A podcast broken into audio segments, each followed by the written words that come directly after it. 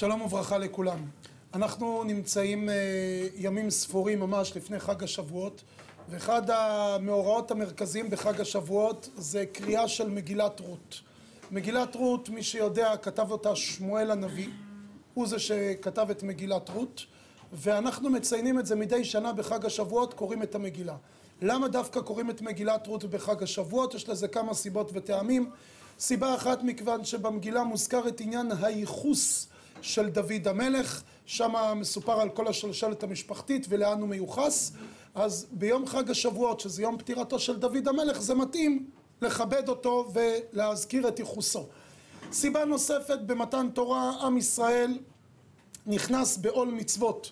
היה לפני, מתחת למרגלות הר סיני, הייתה כריתת ברית, ושם הייתה כניסה לעול מצוות ביום ד' בסיוון, משה רבנו הקים מזבח גדול, וכרתו עם עם ישראל ברית. הברית הזו הייתה ללא תנאים. לא היה שם חלילה קללות או דברים מהסוג הזה, ברית של אהבה. אחרי שעם ישראל חטא בחטא העגל, אז יש לנו את פרשת בחוקותיי, שפרשת השבוע שמדברת על ענייני בחוקותיי, שם מופיעים 49 קללות. וזה אם לא תשמור תקבל, אם לא תשמור תקבל. לאחר מכן יש לנו עוד פרשה בתורה, שזו הפרשה שמופיעה בשנת ה-40 שנה לצד בני ישראל ממצרים, פרשת כי תבוא, ושם מופיעים הקללות כפול, צח קללות. אנחנו בעם ישראל נוהגים לקרוא את פרשת בחוקותיי לפני חג השבועות, ולקרוא את פרשת כי תבוא לפני יום הכיפורים. מה הסיבה? מכיוון שבחג השבועות קיבלנו את הלוחות הראשונים, שזה למעשה חג מתן תורה. נכנסים למתן תורה בברית, אבל הברית הזו היא מחייבת. מה ההתחייבויות? שאם חלילה לא נלך בדרך השם, יש לזה את 49 הקללות, ואנחנו גם אחרי 49 ימים של ספירת העומר. במקביל, ביום הכיפורים, עם ישראל זכה לקבל את התורה בפעם השנייה, הרי משה רבנו ירד מהר סיני, הוא שבר את הלוחות. אז אה, מה, מה יש לנו היום? אמר לו הקדוש ברוך הוא תעלה עוד הפעם אני אתן את הלוחות השניות את הלוחות השניות הוריד משה רבנו ביום הכיפורים. ולכן זה כניסה לברית פעם שנייה. זוהי הסיבה שלפני יום הכיפורים קוראים את פרשת כי תבוא ומכיוון שמדובר בלוחות השניות אז גם הקללות הן קללות כפולות. שאנחנו מקבלים שם 98 קללות זה פעמיים 49 כך שלמעשה העניינים הללו שקוראים את פרשת בחוקותיי לפני חג השבועות ופרשת כי תבוא לפני יום הכיפורים, יש לזה סיבה להיכנס בעול הברית. שעושים ברית בין שניים, כמו כל עסקה, כן, אתה חותם חוזה, לא משנה, רכשת איזה משהו, אומר לך, תראה, אם אתה תבטל, או לא תעמוד בהתחייבויות, אז אתה נקנס על פי החוק ככה וככה. זה, זה, זה מקובל. אומר הקדוש ברוך הוא, אני לא מחפש להפיל אותך, אבל אם לא תלכו, אני אעזור לכם לחזור בחזרה לאותה הדרך. מילה אחת לפני שנכנס פנימה לגופו של הנושא ויש לנו נושא קצת עמוק העניין הזה של, של מה בכלל צריך, למה צריך קללות, למה צריך בכלל לאיים, מה, מה הרעיון שמסתתר מאחורי זה. הרב נוח ויינברג, זכר צדיק לברכה, הוא היה ראש ישיבת אש התורה בירושלים. עד היום מי שמגיע לרחבת הכותל המערבי, ממש ליד הבניין לשעבר שהייתה שם המשטרה, משטרת הכותל, היום כבר חפרו את זה שם, זה אתר חפ... ארכיאולוגי, אבל לידו ממש ישנה ישיבה גדולה מאוד שנקראת אש התורה. אני חושב שהוא הראשון בארץ שהתחיל לישיבות של חוזרים בתשובה. הוא הראשון בארץ שהתחיל עם זה, הוא בא מארצות הברית, היה יהודי מאוד מאוד רהוט, ידע לדבר באנגלית טובה, וקירב המון המון חבר'ה אמריקאים שלא הכירו את הדת, קירב אותם. ליהדות ולתורה, ובאמת היה אכפת לו. היה אדם שמאוד אכפת לו, אני שמעתי דבר מדהים, שפעם אחת היה אצלו בישיבה, פרק זמן קצר, אה, בחור שהוא אלוף ישראל בשחמט. יום אחד הבחור אומר לו, אני צריך לנסוע. אומר לו, לאן אתה נוסע? אומר לו, יש תחרות בארצות הברית, אני הולך להתמודד, ואם אני אצליח, אז גם יש פרס כספי ותגמול וגם כבוד, הכל ביחד. הרב ויינברג אמר לו, תשמע, בוא תישאר פה בישיבה, תעשה איתי משחק, אני נגדך. אם אני מנצח אותך, אתה נשאר ללמוד. אם אתה מנצח אותי, אני מממן את הכרטיס טיסה ואת עלות הפרס עוד לפני שהזזת את המהלך הראשון בשחמט. אתה יכול להרוויח פעמיים. מוכן לשחק נגדי? הוא גיחך, זה ניצחון מובטח. אלוף ישראל בשחמט, מי זה הרב הזה? מאיפה הוא ידע לשחק? אמר לו, כבוד הרב, אני מוכן סתם בשביל העניין, אחרי זה הוא אמר בלב עוד אני אוותר לו. לא כזה, זה... אבל איך אומרים? התיישבו ביחד, התחילו לשחק. שעתיים שלוש, הרב ניצח אותו. ניצח אותו! אלוף ישראל בשחמט! היה די מופתע, אבל התחייבות זו התחייבות, הוא נשאר ללמוד בישיבה. ברוך השם, הוא, הוא נהיה אברך, התחתן שנים אחרי זה. הוא אמר לו, כבוד הרב, עכשיו תספר את הסוד. איך? אני אלוף ישראל בשחמט, אני לא יודע מתי בפעם האחרונה החזקת את הכלי הזה. איך הבסת אותי?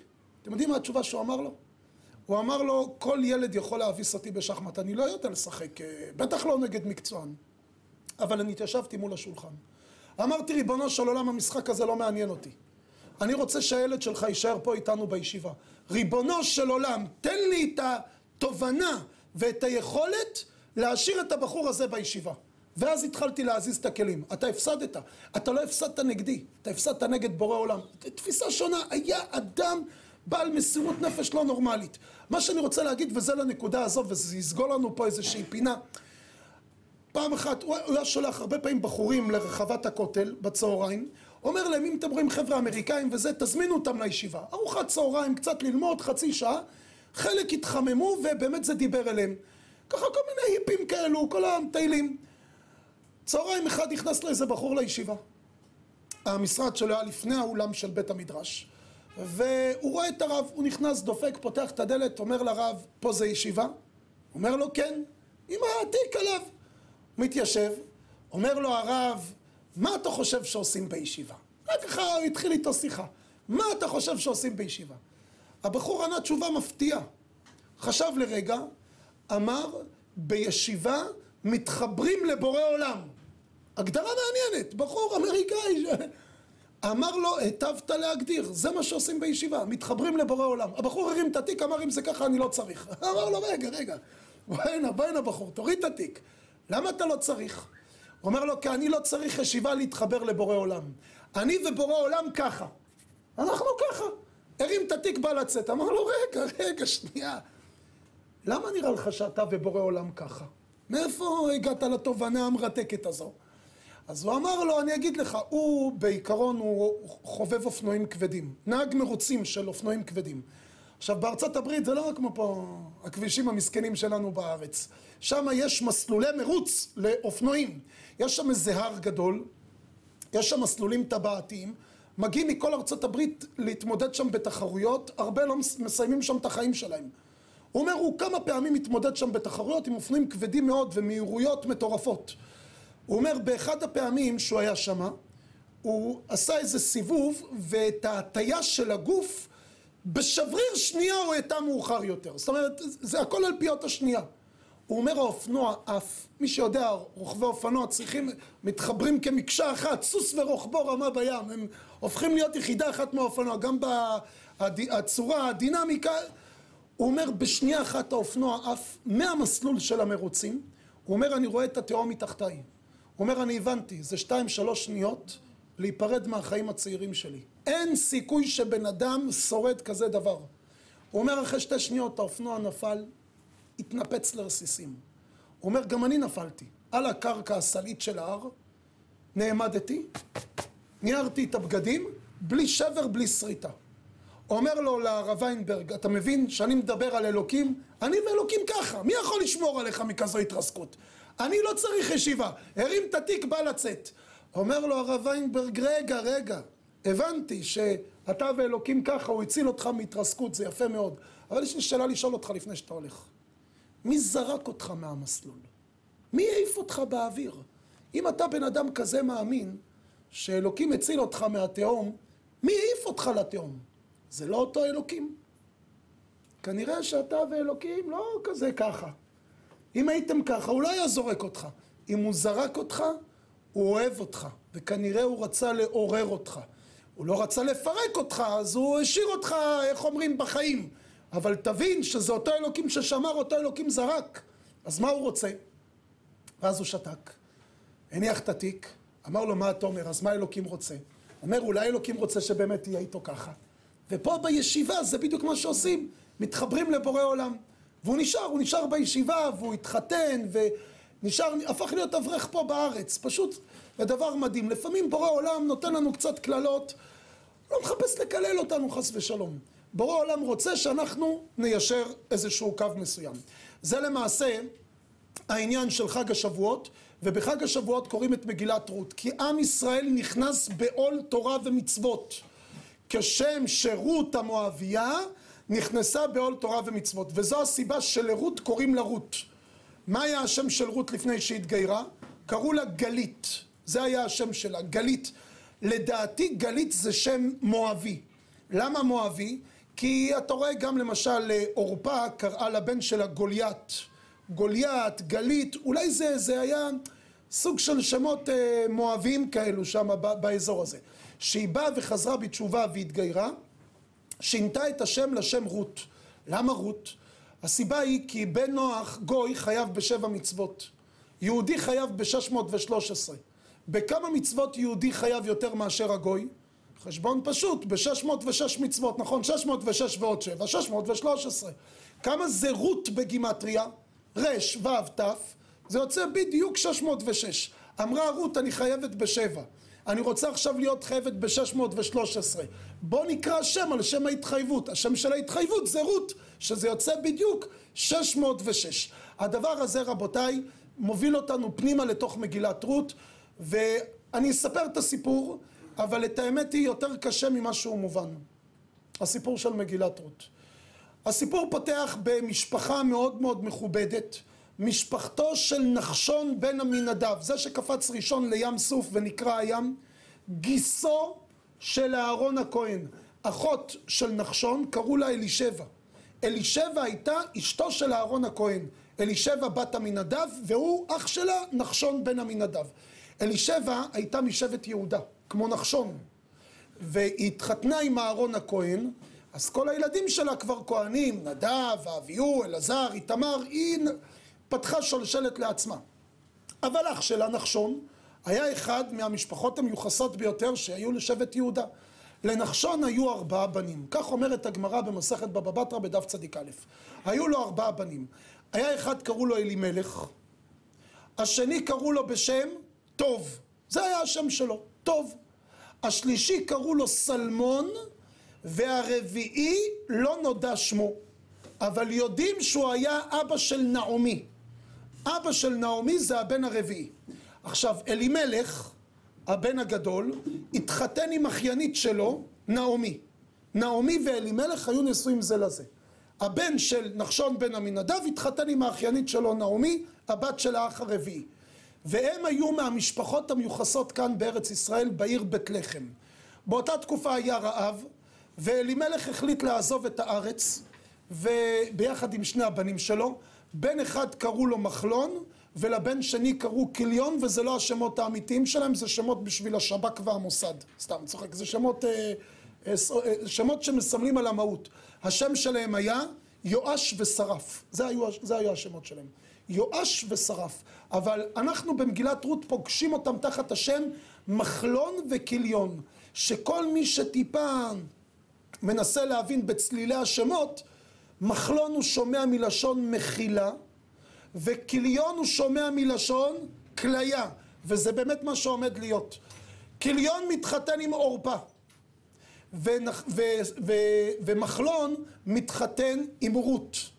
מחלון לימים רות תמציא לו מחילה, והוא יבוא לתיקון שלו. כליון, עורפה, לא הציעה שום מחילה, היא בסופו של דבר לא התגיירה, ולכן כביכול הייתה לו כליה, לא הייתה לו המשכיות. הם נמצאים שם בארץ מואב, יד השם פוגעת בהם, הם ירדו מנכסיהם, מחלון, כליון ואלימלך מתו, ומי שנותר זה נעמי ושתי הכלות שלה, רות ועורפה. נעמי מחליטה לחזור בחזרה לארץ ישראל. בינתיים בועז, הבן של סלמון, האח השלישי, הייתה את נעמי, הייתה הבת של האח הרביעי, אלימלך הגדול, טוב זה השני, סלמון זה השלישי, הבן של סלמון קראו לו בועז. בתנ"ך תמצאו אותו תחת השם אבצן, בן דוד של נעמי. נעמי הבת של האח הרביעי, בועז הוא הבן של האח השלישי סלמון. בועז הופך ומטפס להיות אחת הדמויות, השופט, בתנ"ך הוא מופיע תחת השם אבצן. הוא זכה להרבה מאוד ילדים, היו לו שלושים בנים, שלושים בנות, כמו בהזמנה. וחיתן את כל הילדים, זכה לראות בחתונות של כל הילדים שלו. ולא רק שזכה לראות בחתונות, אלא הוא עשה 120 חתונות. מה זאת אומרת 120 חתונות? כשאתה מחתן ילד, אתה דואג אה, לחופה שלו, לשמחה שלו. ויש את הצד השני, שגם הם דואגים לכל מיני דברים בשביל החתונה. אמר להם, בועז, אני בן אדם עשיר.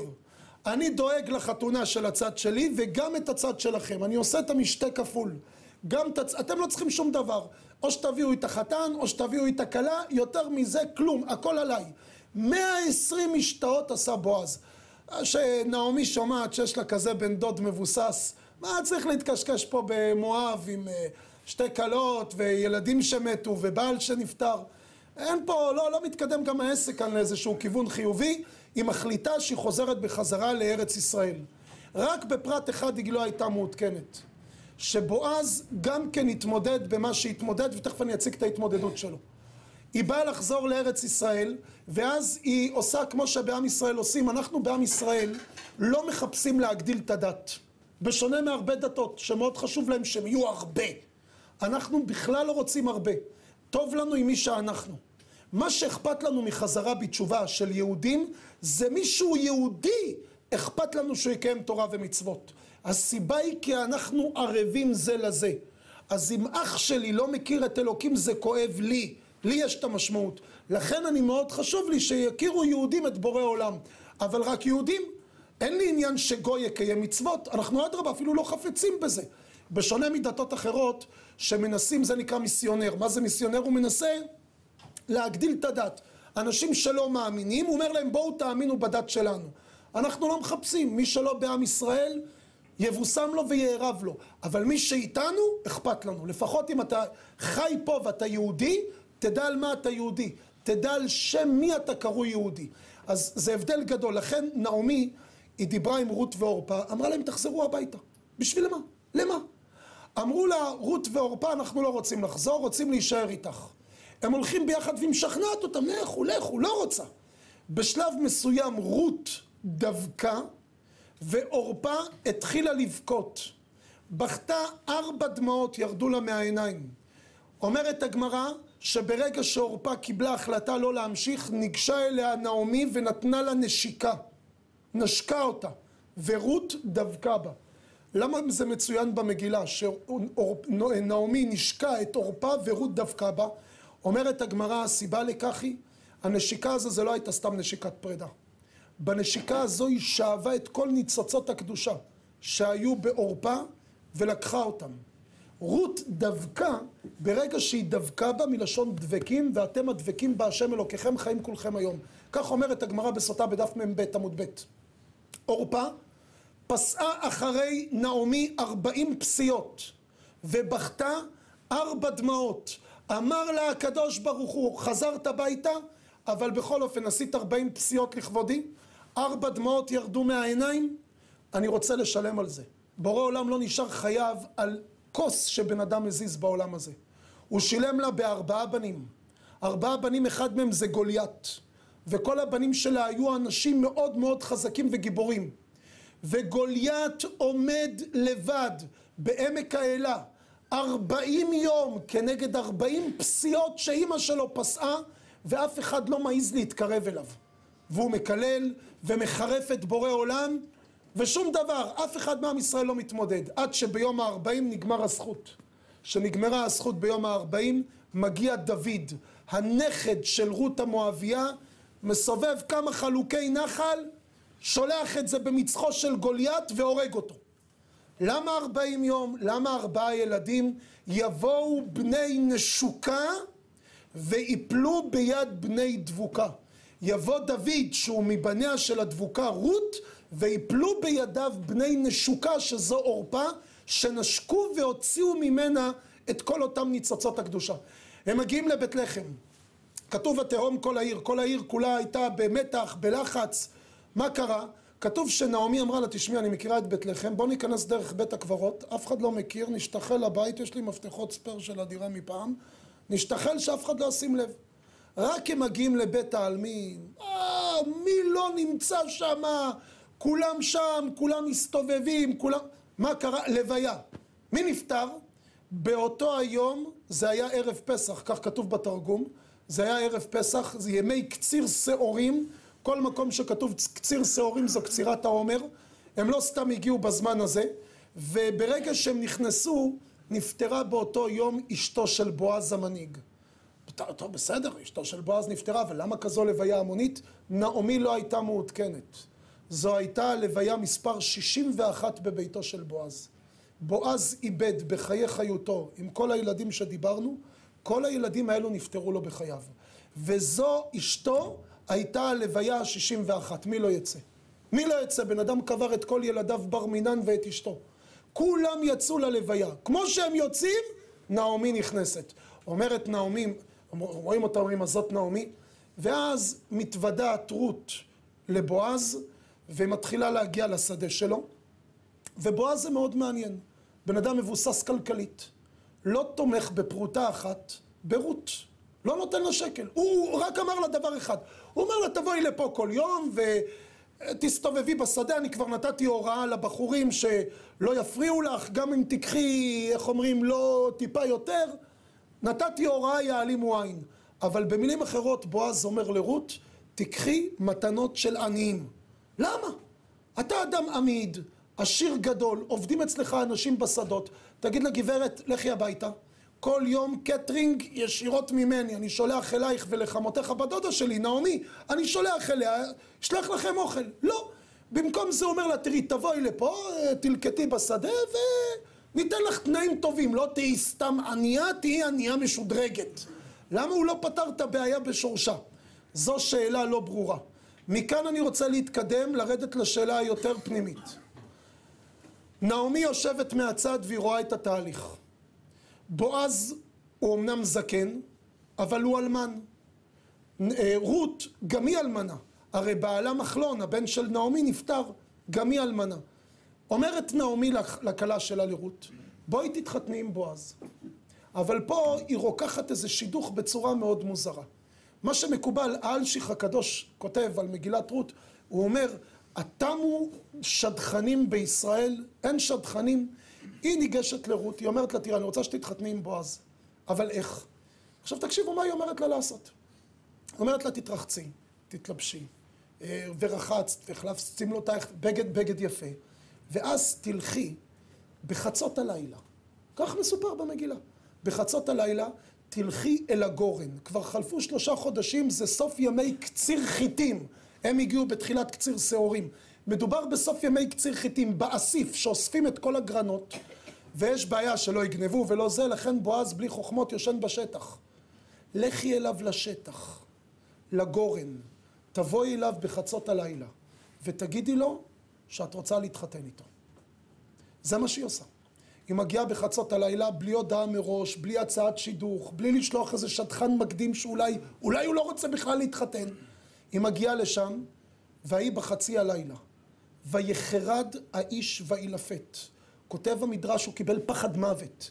מי נמצא לידו באמצע הלילה? הוא קפץ. ברגע הראשון הוא היה בטוח, זה שד. זה שד. מי בא באמצע הלילה? אתה שוכב בשטח, ישן, ועוד כזה הכל בשקט. לא שמעת שאף אחד יתקרב. פתאום מישהו נמצא לידך. הוא קיבל פחד נוראי. ואז השאלה הראשונה שהוא שואל, זה בן אדם או שד? זו השאלה הראשונה. התשובה של רות הייתה, זה אדם. גבר או אישה, אישה. מי את? שאלה שלישית. אומרת לו, אני רות. מה את עושה פה? באתי להציע לך הצעת נישואים. רוצה להתחתן איתך. זה ככה, זה על פי הדרכתה של נעמי. זה מה שנעמי אמרה לה לעשות, היא עשתה בדיוק מה שהיא אמרה לה. טוב, בועז אה, עוצר לרגע, הוא מבין את העניין. הוא אומר לה, תראי, קודם כל, ברוכה ביתי להשם. מברך אותך, אחרי הכל אני אדם זקן ומבוגר, ואת יחסית לבועז צעירה, היא הייתה בגיל 40, יחסית הצעירה, יכלת לקחת מישהו בן גילך, את בוחרת להתחתן עם אדם מבוגר יותר, ברוכה ביתי להשם, אבל לא, לא, לא, לא בצורה כזו. מחר בבוקר אני אצטרך לבדוק כמה דברים הלכתיים, לברר את העניין, ואם העניינים יהיו בסדר מבחינה הלכתית, אני אתחתן איתך. לא, לא צריך לעשות מחטף באמצע הלילה. ואז בועז נשבע, כדי שהיצר הרע לא יתחיל להתגבר עליו, נשבע בועז, אומרת הגמרא בסנהדרין י"ט עמוד ב', שש שעות הוא עמד בניסיון, לבד, והכל כשר, הכל גלט, אתה יכול עכשיו להתחתן. בועז עומד בניסיון, וזה העזות, כתוב שהוא נהיה עז כנמר, בועז, קיבל עזות, והשביע את היצר הרע ואמר לו, לא מתקרב, ממתינים עד הבוקר. לפנות בוקר הוא שלח אותה לחמותה, שם שם קבוצה של שישה שעורים, הגמרא אומרת כמות גדולה, לא שש שעורים, נתן כמות גדולה ויפה, ושלח אותה לנעמי. באותו היום הוא מברר את העניין. מה העניין שהוא היה צריך לברר?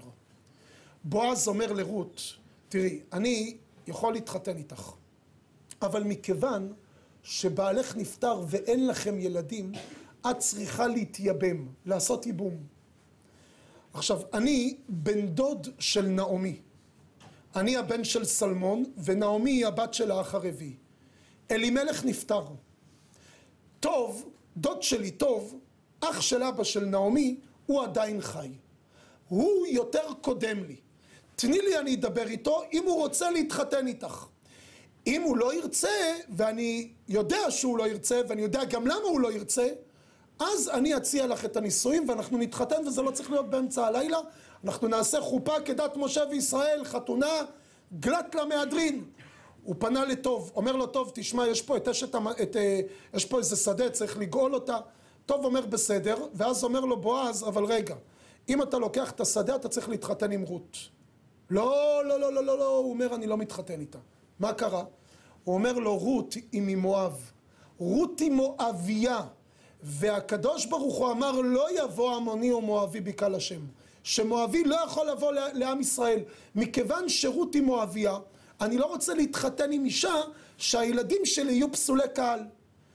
אמר לו בועז אבל אתה יודע שיש בזה שיטה אחרת בהלכה השיטה השנייה בהלכה מלמדת שרק הגברים פסולים, אבל הנשים במואב מותרות. מה הסיבה? כי התורה אומרת למה המואבים אסור להם, אסור להם להיכנס לעם ישראל? על אשר לא קידמו אתכם בלחם ובמים. הם לא נתנו שעם ישראל הגיע, הם לא הציעו לחם ומים. זו הסיבה שהגברים לא נפסלו לבוא בקהל.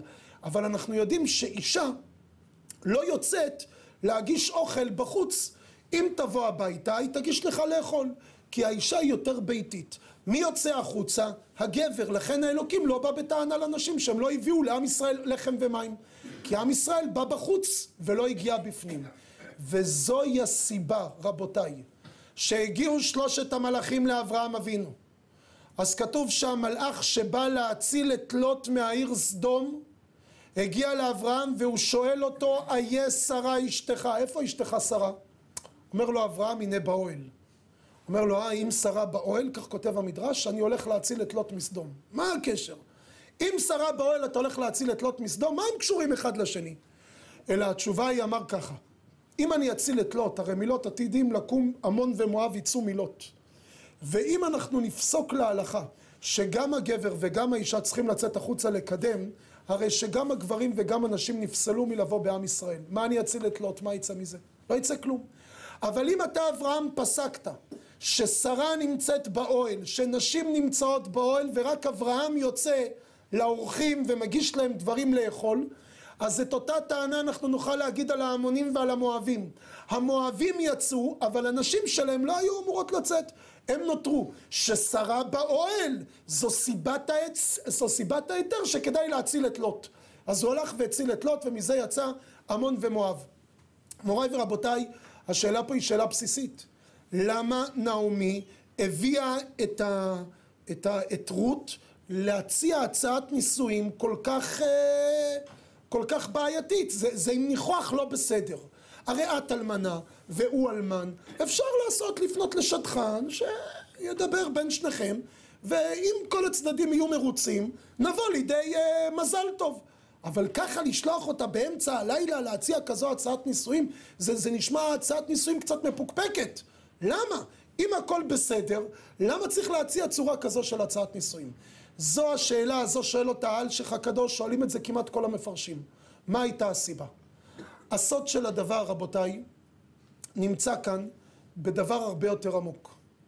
גם רות וגם בועז וגם נעמי שלושתם ידעו שעתידה לרדת נשמה גבוהה מאוד בעולם, שזו נשמתו של דוד המלך. והנשמה של דוד המלך, כותב האריזל, הייתה נמצאת בעומק הקליפות. הייתה הנשמה הזו, הוציאו אותה ממקום מאוד מאוד עמוק. כך כותב האריזל בשער הגלגולים, הקדמה כ"ז. הוא אומר שהנשמה שלו הייתה מאוד מאוד עמוקה. מה הסיבה? דוד המלך. למה הנשמה הגיעה ממקום כל כך עמוק? אלא הסיבה לכך היא כזו, שהאדם הראשון, השורש יושב באדם הראשון, שהאדם הראשון חטא בעץ הדת. מה שקרה זה, השתנה כל העולם שאנחנו מכירים. קודם כל הגיע מוות לעולם. אין קיום נצחי. זיו פניו של אדם הראשון הוא, הוא העם זוהרו. הזוהר שלו נהיה מעומעם. הטעם של הפירות, הטעם של האילנות, הכל השתנה. העץ שאכל ממנו אדם הראשון, עץ חיטה היה. זה היה עץ של חיטה, לא התבלבלתי. עץ חיטה. היום חיטה זה שיבולת, זה לא עץ. זה כתוצאה מן החטא. השתנה הטעם של הפירות, השתנה הטעם של האילנות, השתנה הזיו, השתנה החיות, השתנו בעולם שישה דברים. שישה דברים זה נזדעזע. האדם הראשון שראה את זה, כתוב שבנוסף לכך, מעוצמת החטא, היו נשמות קדושות מאוד שנפלו למעמקי הקליפות. הנשמות האלה נפלו למקום מאוד מאוד קשה. היו נשמות במקביל שלפני החטא של אדם הראשון כבר פרחו ממנו. אחת הנשמות האלו זו נשמתו של שאול. שאול המלך כתוב בן שנה שאול במולכו, אומרת הגמרא במסכת יומא בדף כ"ב, מה תינוק בן שנה בלא חטא, אף שאול בלא חטא. המקובלים מסבירים מה זה שאול בלא חטא, הוא אפילו בלי החטא של אדם הראשון. שאול היה נקי, נקי מכל דבר. להבדיל דוד המלך היה בעומק. זוהי הסיבה שטעות אחת שעשה שאול, שהוא לא שמע בקול השם, מיד הוא נטרד ממלכותו. כי אחד שנמצא בדרגה, בדרגה כזו גבוהה, טעות אחת משלמים כבר. דוד בשתיים, בשתי עבירות שהוא עשה, ובכל אופן הוא נשאר למלך. כי אמר הקדוש ברוך הוא, תראה מאיפה הוא התחיל. הוא התחיל ממקום מאוד מאוד קשה. להבדיל שאול התחיל ממקום מאוד גבוה. אגב, היו כמה נשמות, נשמת חנוך בן ירד. ואיננו כי לקחו אלוקים. הנשמה שלו גם כן הייתה נשמה מאוד גבוהה. נשמתו של ירובעם בנבט, יש מדרש שאומר שהקדוש ברוך הוא רצה לקחת את ירובעם בנבט, בנבט לפני שיעשה חטאים. אמר הנשמה שלו היא לא פגמה, והשמלה ללא דופי, נשמה בלי פגם. המלאכים ביקשו שהוא יישאר. נשאר ירובעם בנבט, אחרי זה שהוא קלקל, אמר הקדוש ברוך הוא למלאכים, נו ומה עכשיו? עכשיו תראו, בגלל שביקשתם להשאיר אותו, אז הוא נטרד מחיי העולם הבא. כי הוא עשה את העבירה, מה שהוא עשה, שהוא החטיא את עם ישראל. שהנשמה גבוהה, גם הריסוק הוא עוצמתי. להבדיל דוד המלך התחיל ממקום מאוד מאוד נמוך.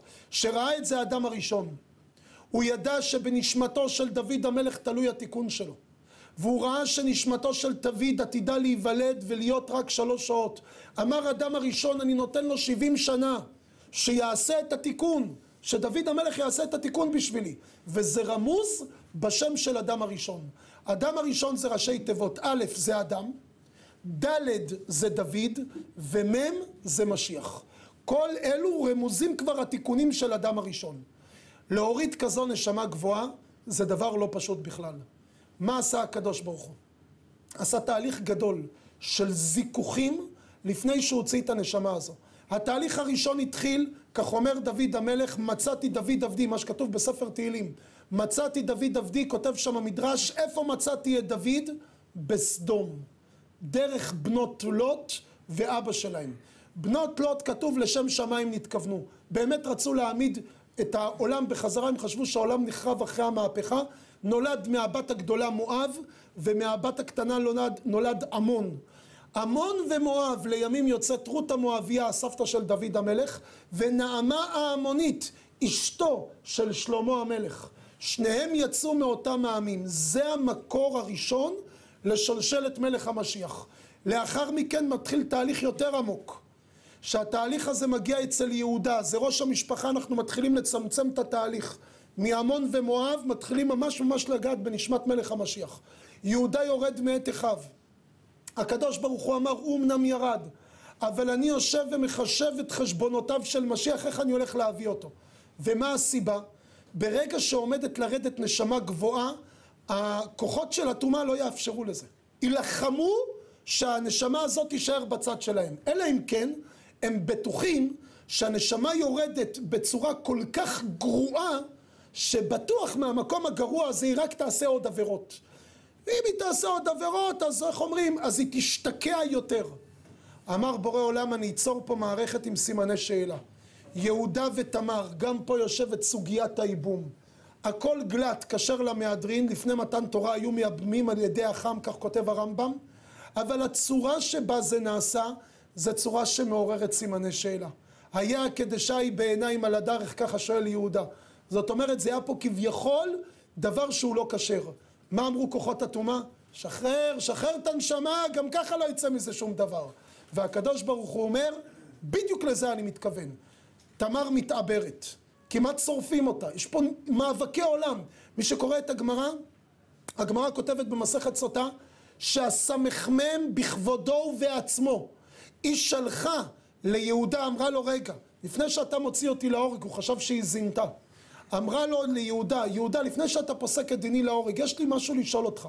יש לי ערבון שלקחתי מהבן אדם, אולי תוכל לזהות אותו, והיא יודעת שזה הערבון שלו. אומרת הגמרא, בא סמ"ם בכבודו ובעצמו, לקח את הסימנים, העלים אותם. היא מחפשת, היא אומרת, אבל לפני שנייה זה היה פה. הוא רצה כפשוטו, לאבד את העניין. בא מלאך גבריאל וקרבן, מלחמת עולם מה שהלך שם. העיקר שלא יגיע תחילת שלשלת בית דוד. מי נולד מזה? נולד מזה שני ילדים תאומים, פרץ וזרח. פרץ, כתוב פעם אחת בתורה, פרץ, פתח, ולאחר מכן סגול, ופעם שנייה הוא כתוב בתורה פרץ עם שני סגולים. מה הסיבה?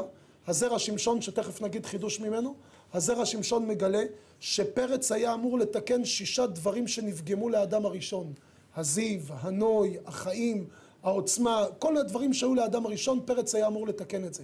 בהתחלה זה היה פרץ, כי על ידי שנולד פרץ בפעם הראשונה, עד תקופתו של דוד המלך תוקנו שלושה דברים.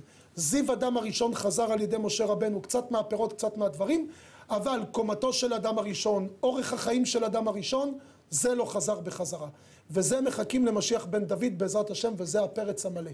וזוהי הסיבה שבפעם השנייה, שפרץ, משפחתו של פרץ, משם מגיע נחשון בן עמינדב, משם מגיע בועז, שזה הנכד של נחשון בן עמינדב, גם שם נפגשים בצומת נוספת, רות ובועז.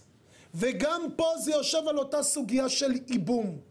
ואומרת נעמי לרות, תדעי לך, אם את תציעי הצעת נישואים רגילה, תקינה, מקובלת, כוחות הטומאה לא יאפשרו לזה.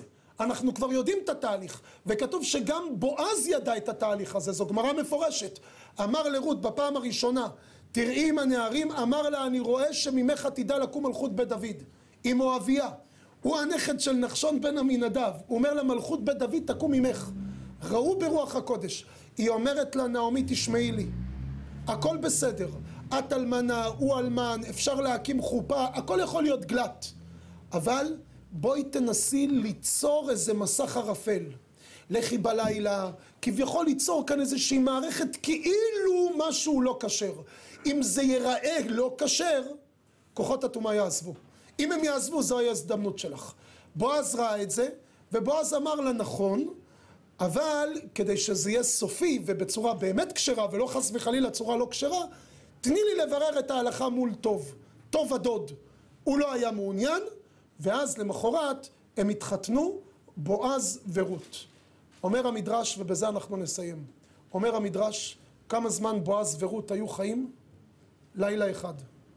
באותו לילה שהוא התחתן איתה, באותו הלילה הוא נפטר. אבל היא זכתה. בזכות זה שהוא אמר, ברוכה ביתי להשם, אומר אש לקיש, שרות הייתה הכרה עשר שנים. לא רק שהיא הייתה הכרה, לא היו לה אפשרות בכלל להביא ילדים לעולם. ומהברכה של בועז, היא נפקדה בזרע של קיימא. בועז נפטר באותו הלילה, אבל רות כבר הייתה מעוברת. הייתה מעוברת, הולידה בן שקראו לו עובד. למה עובד? אומר הזרע שמשון בשם המקובלים, עובד על שם זה שהוא עבד את הקדוש ברוך הוא, ועבודת השם שלו תיקנה את נשמתו של מחלון, ולכן הוא נקרא מחלון, על שם המחילה, וזה עובד, הבן של רות, בעלה הקודם, זאת אומרת, שמחלון היה בעלה הקודם, נתקן על ידי הילד הזה עובד. עובד הוליד את אחד האנשים הקדושים ביותר בהיסטוריה, שזה ישי. ישי נפטר, אבל לא בגלל שהוא עשה עבירה. כל החיים שלו היה קדוש עליון. ישי נפטר מסיבה אחת, כי הקדוש ברוך הוא גזר שעפר היית ואל עפר תשוב. וישי הוליד את דוד המלך. וזה דוד המלך שאנחנו מחכים בעזרת השם במהרה בימינו למשיח בן דוד שיבוא ויגאל אותנו, שנזכה לראות בעזרת השם בגאולה השלמה במהרה בימינו אמן.